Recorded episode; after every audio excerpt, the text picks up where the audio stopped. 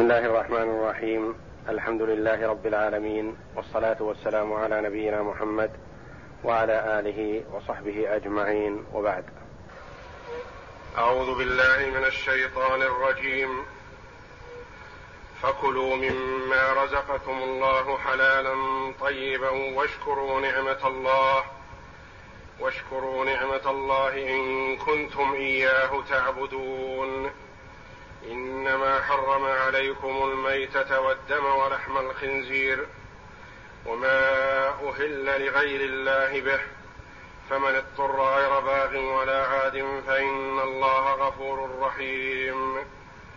ولا تقولوا لما تصف ألسنتكم الكذب هذا حلال وهذا حرام لتفتروا على الله الكذب إن الذين يفترون على الله الكذب لا يفلحون. متاع قليل ولهم عذاب أليم. لما ضرب الله جل وعلا المثل للناس عامة بالقرية الآمنة المطمئنة التي يأتيها رزقها رغدا من كل مكان وحينما كفرت بأنعم الله أذاقها الله لباس الجوع والخوف بسبب صنيعهم السيء. قال جل وعلا مخاطبا عباده المؤمنين فكلوا مما رزقكم الله حلالا طيبا. الكفار منعهم الخير والنعمة. وبدل نعمتهم بنقمة.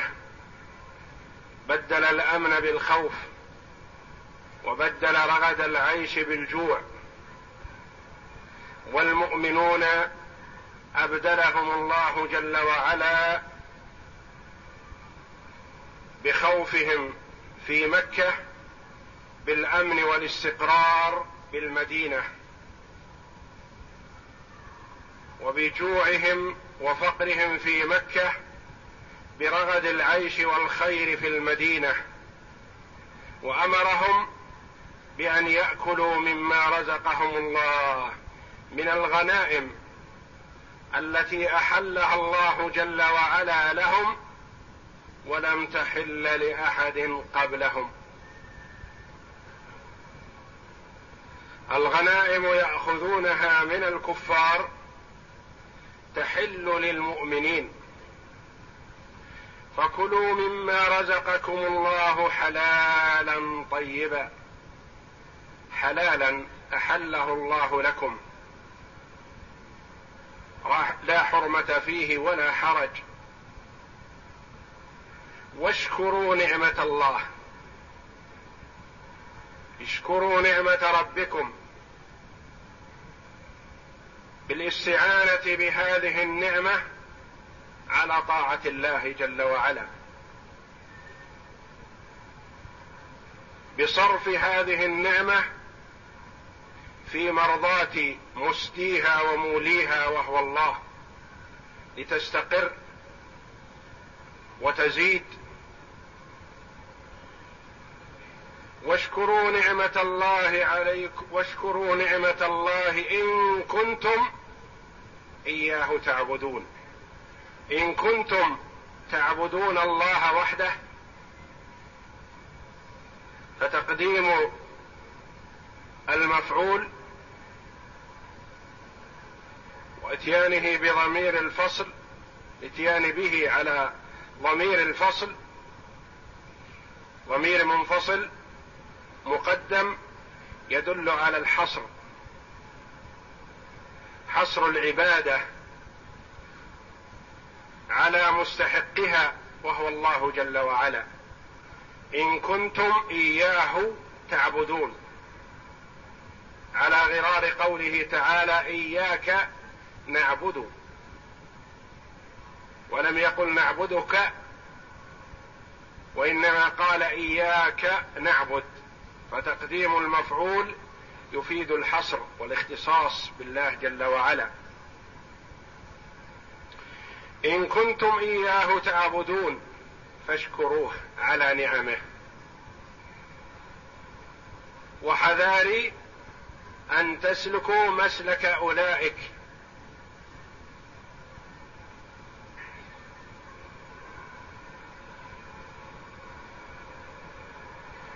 أمر جل وعلا بالأكل من الحلال الطيب وهو من الأسباب التي تتخذ لاستجابة الدعاء. لما سأل سعد النبي صلى الله عليه وسلم ادعو الله أن يجعلني مستجاب الدعوة. قال أطب مطعمك تكن مستجاب الدعوة. ليكن أكلك من الحلال الطيب الذي لا حرمة فيه ولا شبهة تكن مستجاب الدعوة. كما أن أكل الحرام من الربا والغش والخديعة وما ترتب على الكذب وإخفاء العيوب يكون من الأسباب المانعة لاستجابة الدعاء. طيب المطعم من أسباب الإجابة كما أن حرمة المطعم من أسباب عدم إجابة الدعاء. لقوله صلى الله عليه وسلم إن الله أمر المؤمنين بما أمر به المرسلين. فقال تعالى يا أيها الرسل كلوا من الطيبات واعملوا صالحا. وقال تعالى يا أيها الذين آمنوا كلوا من طيبات ما رزقناكم. ثم ذكر الرجل أشعث أغبر ثم ذكر الرجل يطيل السفر أشعث أغبر يمد يديه إلى السماء يا ربي يا ربي ومطعمه حرام ومشربه حرام وملبسه حرام وغذي بالحرام فأنا يستجاب لذلك. فأنا يستجاب لذلك يعني بعيد أن يستجاب له دعاؤه مع أنه جاء بعدد من أسباب إجابة الدعاء. لكن لما كان المطعم والمشرب والملبس والتغذية بالحرام بعدت الإجابة كل البعد. ومن أسباب الإجابة إطالة السفر والشعثة والغبرة وتكرار الندى والإلحاح على الله جل وعلا يا ربي يا ربي. لكن لما كان هناك مانع أعظم امتنعت الإجابة.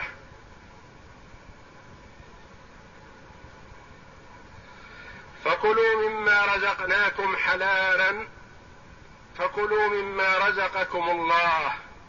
إشعار بأن هذا الرزق من الله جل وعلا. لا بحول المرء وقوته ولا بنشاطه ولا بحيلته ولا بقوته وغلبته للأعداء. في المغنم وإنما هو رزق من الله جل وعلا ساقه لعباده.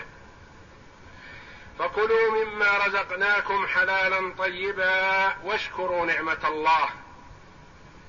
فبالشكر تدوم النعم وبكفرها تزول وتضمحل. إن كنتم إياه تعبدون فاشكروا نعمة الله. وكلوا من الحلال الطيب.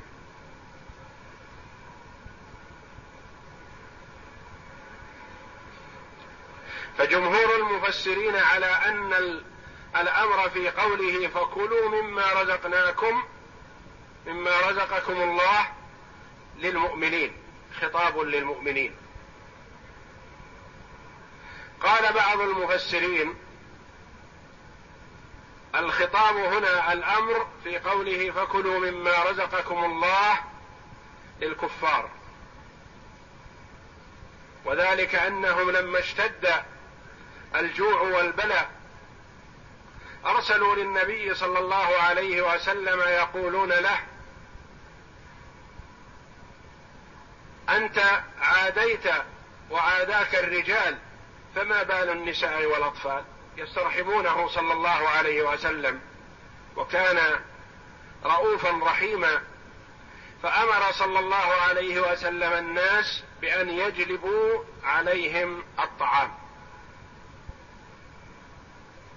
فوصلهم الطعام فناداهم الله جل وعلا بأن يأكلوا مما جاءهم من رزق الله ويشكروا الله وفي قوله إن كنتم إياه تعبدون لأنهم كانوا يزعمون أنهم يعبدون الله وأن عبادتهم لله وإنما يدعون الآلهة ويسألونها ويتقربون إليها من أجل أن تقربهم من الله.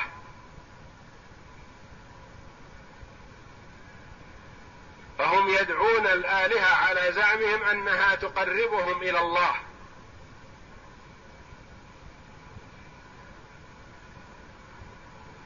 كما قالوا نعبدهم ليقربونا إلى الله زلفى. فالله جل وعلا يقول إن كنتم تزعمون أنكم تعبدون الله فاعبدوه وحده واشكروه على نعمه. ثم قال جل وعلا إنما حرم عليكم الميتة والدم ولحم الخنزير وما أهل لغير الله به. فمن اضطر غير باغ ولا عاد فإن الله غفور رحيم.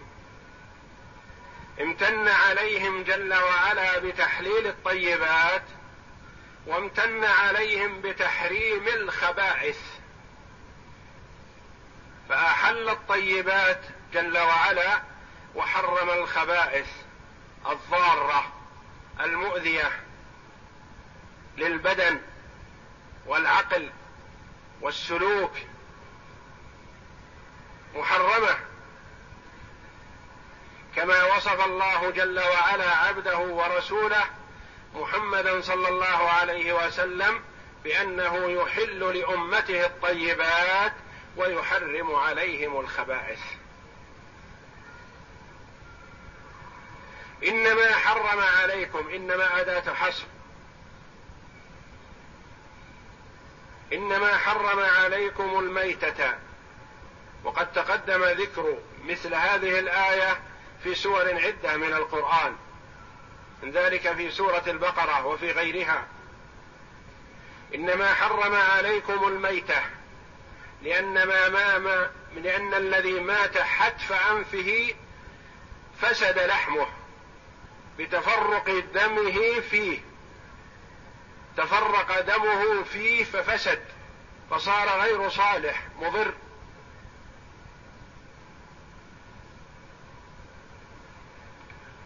واستثني من ذلك السمك والجراد. بقوله صلى الله عليه وسلم أحل لنا ميتتان ودمان.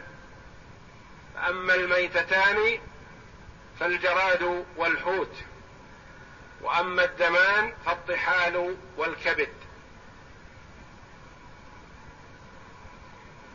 فميتة البحر حلال. إنما حرم عليكم الميتة والدم. والميتة سواء ماتت حتف انفها بدون سبب أو كانت موقوذة أو نطيحه أو أكلها سبع كل هذه يقال لها ميتة. والدم والمراد به الدم المسفوح الدم الذي يخرج عند ذبح الحيوان. هذا دم نجس وضار وهو محرم بخلاف الدم المتفرق في اللحم فهذا ليس بنجس وهو حلال. والدم ولحم الخنزير لخبثه ولما يكسبه من الطباع السيئة لمن يأكله. فقال بعض العلماء بخصائص الحيوان إن جميع الحيوانات تغار على محارمها. الديك يغار على الدجاج المختصة به. والتيس يغار على المعز. وهكذا والجمل يغار على الناقة التي له. فجميع الحيوانات تغار على أنثاها ما عدا الخنزير. وهو يكسب من يأكله هذه الصفة. ولهذا تجد من يأكل لحم الخنزير لا غيرة عنده على محارمه.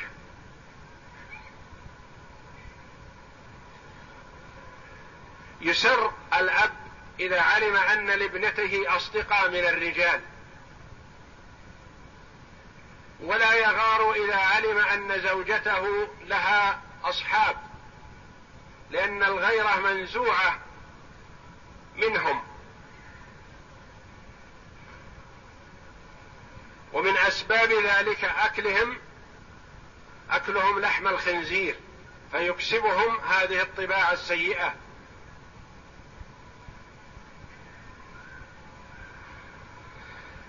وما أهل لغير الله به يعني ما ذبح على غير اسم الله. فهو حرام. لأنه ذبح للأصنام وللآلهة من دون الله. والذبح عبادة لله جل وعلا وقربه. قل إن صلاتي ونسكي ذبحي ومحياي ومماتي لله رب العالمين. ومن ذبح لغير الله أشرك. فاذا صرف المرء نوعا من أنواع العبادة لغير الله كفر بالله.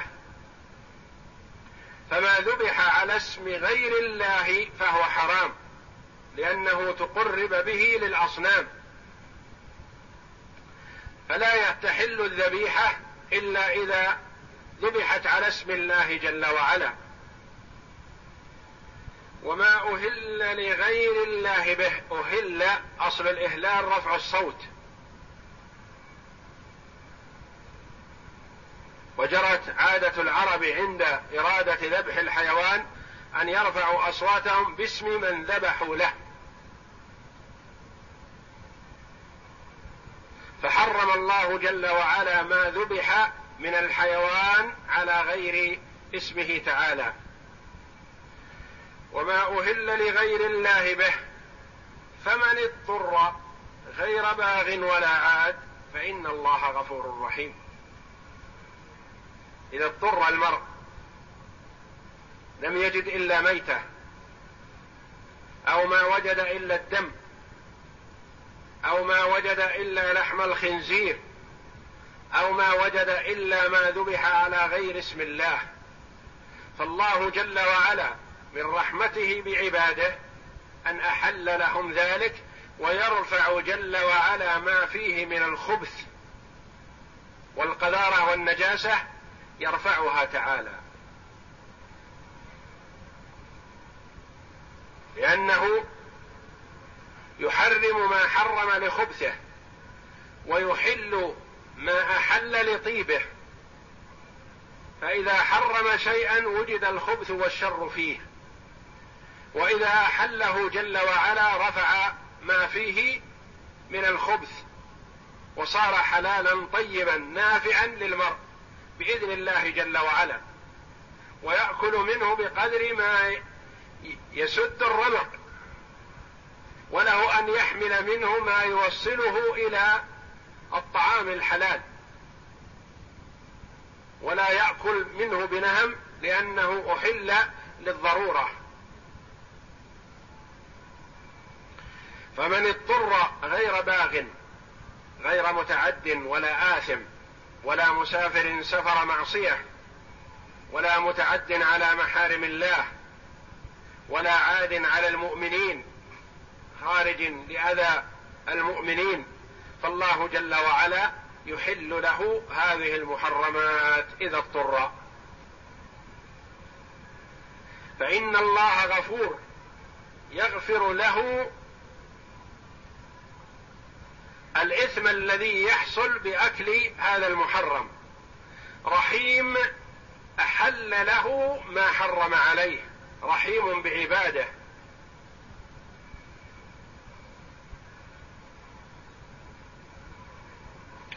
ثم بين جل وعلا أن التحريم والتحليل إليه ليس إلى غيره فهو جل وعلا العالم بالحلال العالم بالحرام يعلم النافع من الضار يحل الطيبات ويحرم الخبائث يبيح لعباده ما ينفعهم ويحرم عليهم ما يضرهم. فقال جل وعلا ولا تقولوا لما تصف ألسنتكم الكذب هذا حلال وهذا حرام لتفتروا على الله الكذب. إن الذين يفترون على الله الكذب لا يفلحون. متاع قليل ولهم عذاب أليم. لا تحرموا من تلقاء أنفسكم. ولا تحرموا من تلقاء أنفسكم.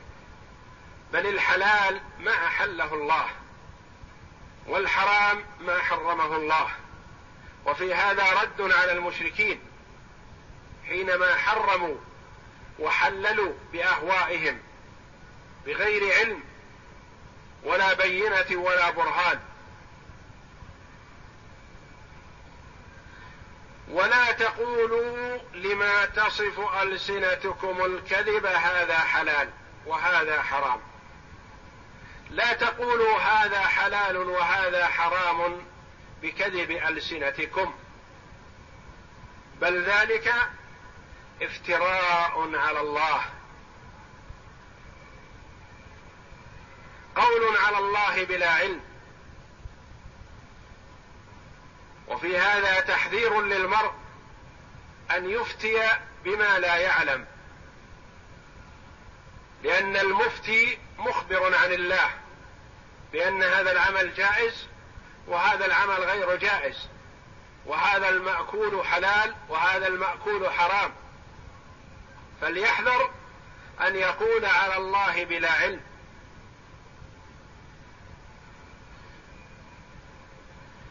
إن الذين يفترون على الله الكذب لا يفلحون لا يفلحون لا في الدنيا ولا في الآخرة.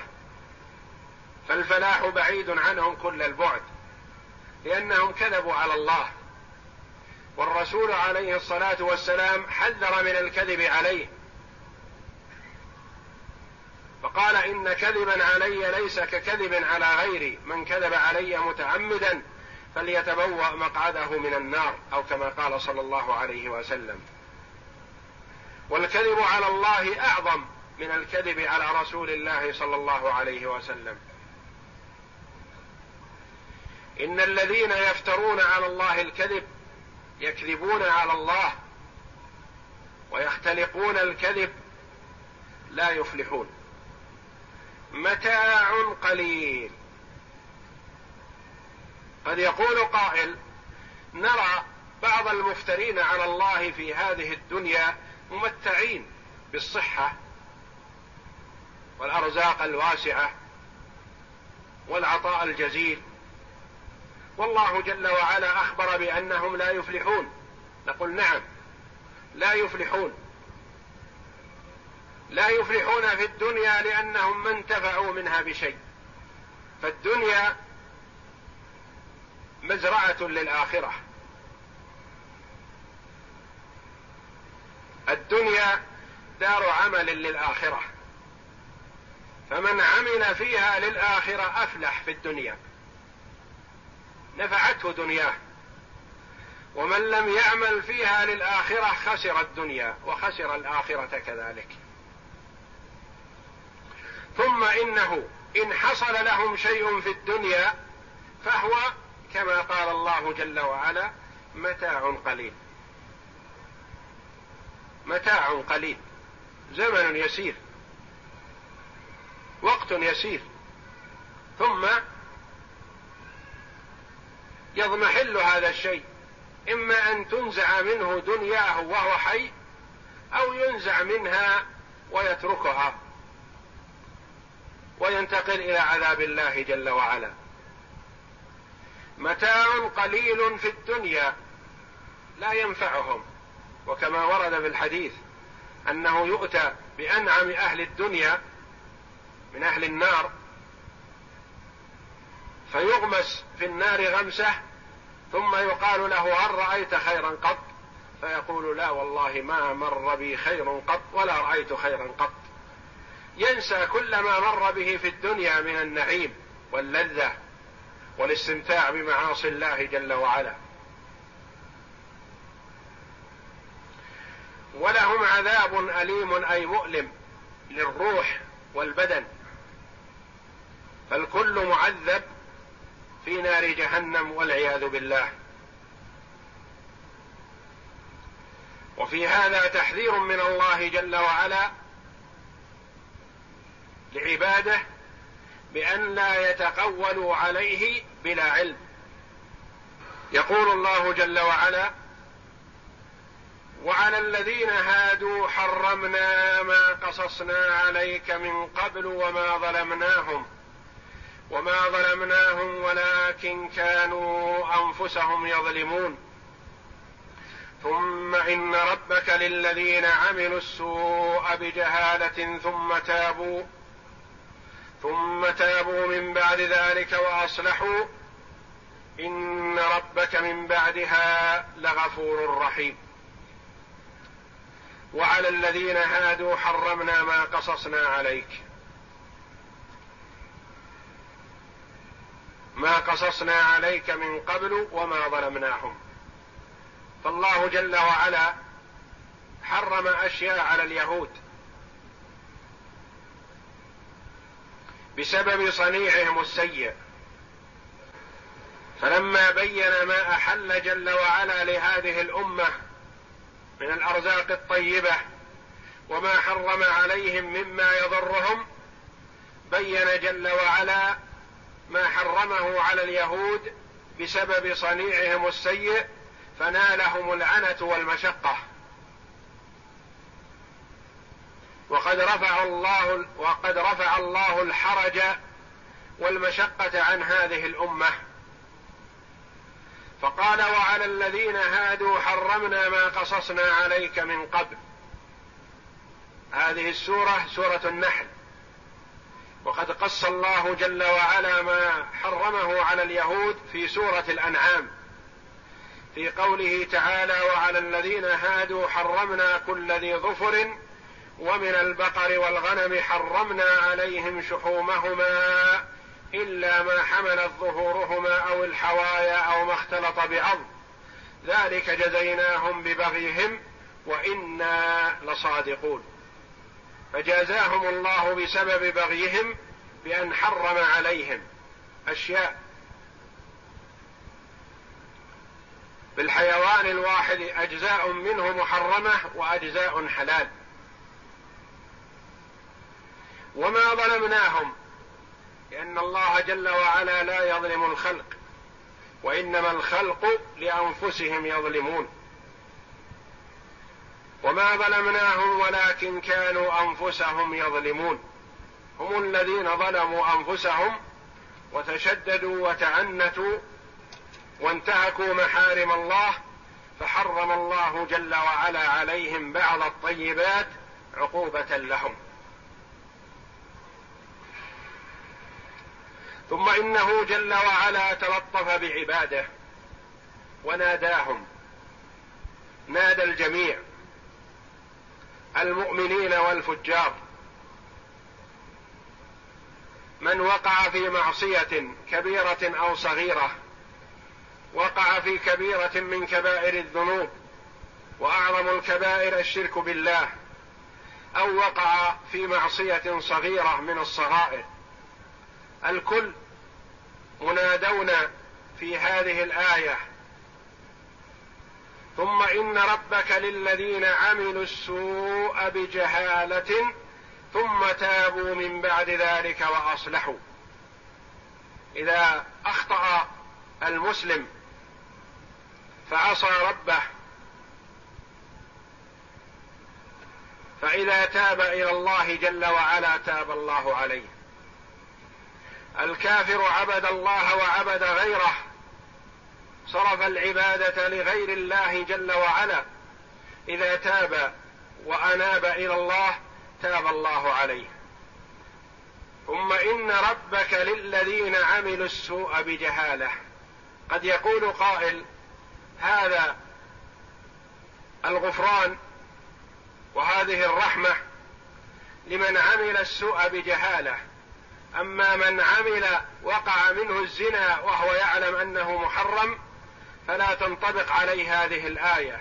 نقول لا تنطبق على كل من وقع في معصية من معاصي الله. وقد رويت هذه العبارة عن جمع من السلف من الصحابة والتابعين ومن بعدهم. من عصى الله فهو جاهل. حال وقوعه في المعصية مسلم وقع منه الزنا. حال وقوع الزنا منه هو جاهل. موصوف بالجهل. حال شربه الخمر هو جاهل. حال أكله الربا هو جاهل. لأنه لو لم يكن جاهلا لما وقع منه ذلك. حتى وإن كان يعلم التحريم. لو لم يكن جاهلا لما وقع منه. كل من عصى الله فهو جاهل لأن الله جل وعلا في الحقيقة وفي العقل والإدراك لا يستحق أن يعصى هو المنعم المتفضل جل وعلا. فإذا وقعت المعصية من إنسان لربه جل وعلا فهو جاهل لا محالة. لأنه لو لم يكن جاهل لما صدرت منه المعصية. صدرت منه المعصية بسبب جهله. ولم يغلق الباب جل وعلا دونه بل ناداه. عملوا السوء بجهالة ثم تابوا. ثم تابوا. ولعل في قوله جل وعلا ثم للترتيب والتراخي حتى لو كانت التوبة قبيل الموت بقليل فالله جل وعلا يتوب. ما لم يغرغر باب التوبة مفتوح. والمرء يبادر لأنه لا يدري متى يغرغر قد يفاجئه الأجل.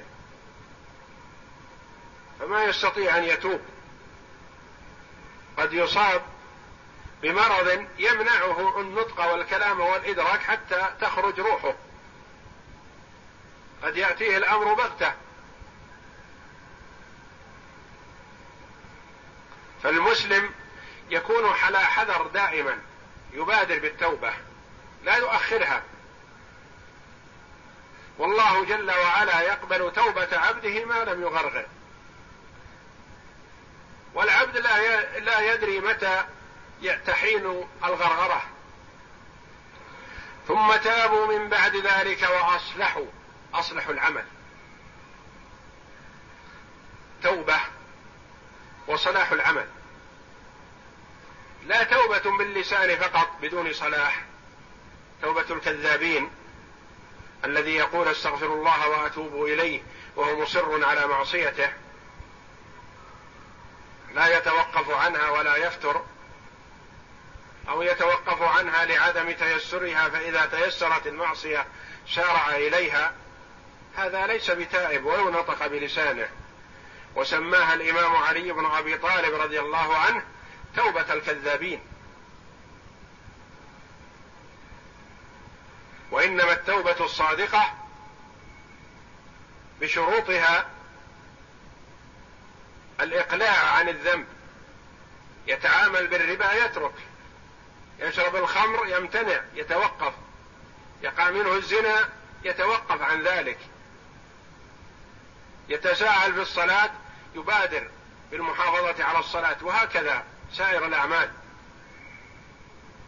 الإقلاع عن الذنب. والندم على ما فرط منه لا يتبجح بعمله. يتمدح أمام الآخرين إني فعلت وفعلت من معاصي الله. يفتخر بذلك بل يندم ويأسف على ما فرط منه. كيف فعل هذه المعصية؟ كلما ذكرها انعصر قلبه خوفا من عقابها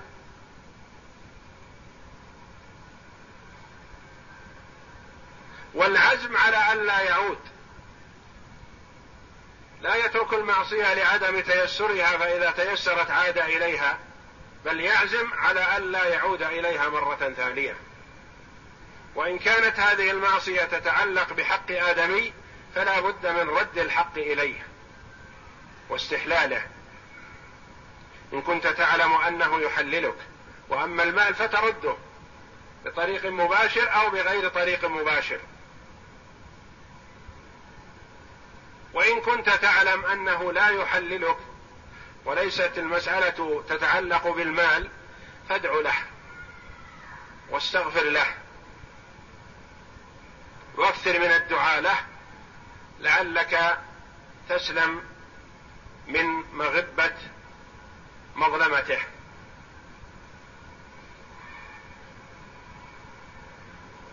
وأصلح العمل فيما بينك وبين الله. أكثر من الأعمال الصالحة.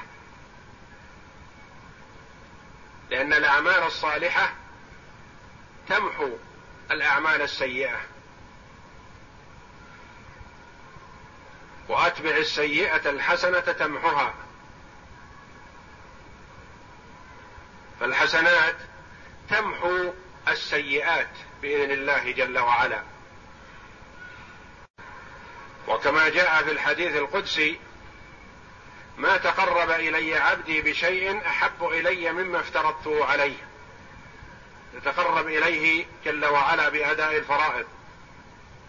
ولا يزال عبدي يتقرب إلي بالنوافل حتى أحبه. فإذا أحببته كنت سمعه الذي يسمع به وبصره الذي يبصر به ويده التي يبطش بها ورجله التي يمشي بها ولئن سألني لأعطينه ولئن استعاذني لأعيذنه. فيتقرب العبد إلى الله جل وعلا بأداء الفرائض والإكثار من النوافل. لأن النوافل يكمل الله جل وعلا بها ما نقص من الفرائض يوم القيامة. ثم تابوا من بعد ذلك من بعد الوقوع في السيئة وأصلحوا ما بينهم وبين الله جل وعلا. إن ربك من بعدها من بعد الأعمال السيئة التي تعقبها التوبة وإصلاح العمل لغفور لما مضى من السيئات رحيم بعباده حيث لم يعاجلهم بالعقوبة وقت انتهاك الحرمات. فهو جل وعلا يمهل عبده إذا وقع منه سيئة لعله يتوب ويستغفر. فإن تاب واستغفر محيت السيئة وأبدل بدلها حسنة بتوبته الصادقة. والله أعلم وصلى الله وسلم وبارك على عبد ورسول نبينا محمد وعلى آله وصحبه أجمعين.